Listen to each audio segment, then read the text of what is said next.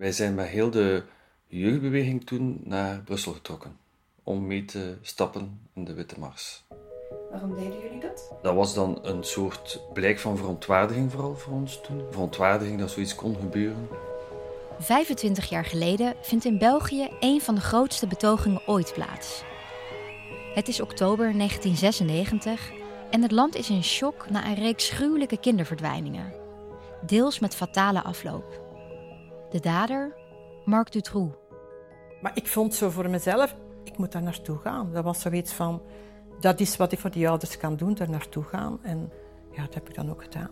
Ik was wel kwaad op het gerecht, wel omdat het gerecht heeft wel serieuze fouten begaan en zo. Hè. Voor de Belgische bevolking is dit onbegrijpelijk. Waar zijn politie en justitie op dit moment? Waarom hebben zij de meisjes niet op tijd gevonden? Goh, wat ik me daar nog van herinner was dat uh, uh, gigantisch veel mensen. Iedereen was in het wit, veel witte slingers, vlaggen, lakens, zo. Dat herinner ik mij. Speeches. 300.000 Belgen lopen mee in de Witte Mars en eisen verandering. Ik was toen uh, met vakantie in India en dat deed heel vreemd aan. Omdat je dan plots, ja, je, zit, je zit in India in, in een hotelletje, je kijkt tv en je ziet daar beelden van, van je eigen land, waar dan zogezegd bijna een revolutie is uitgebroken. En dat, dat was heel raar. 25 jaar geleden was ik, Gabriella Ader, 9 jaar oud. Ik, Anouk van Kampen, was toen 7 jaar. Ook al waren we jong en woonden we in Nederland, allebei herinneren we ons de zaak nog als de dag van gisteren.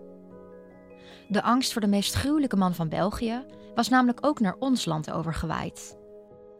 Ik was daarna altijd bang om kinderlokkers tegen te komen als ik buiten ging spelen. Ik weet nog goed dat ik in die periode een dagje naar Antwerpen ging. En ik bang was als ik voorbij kelders in straten liep.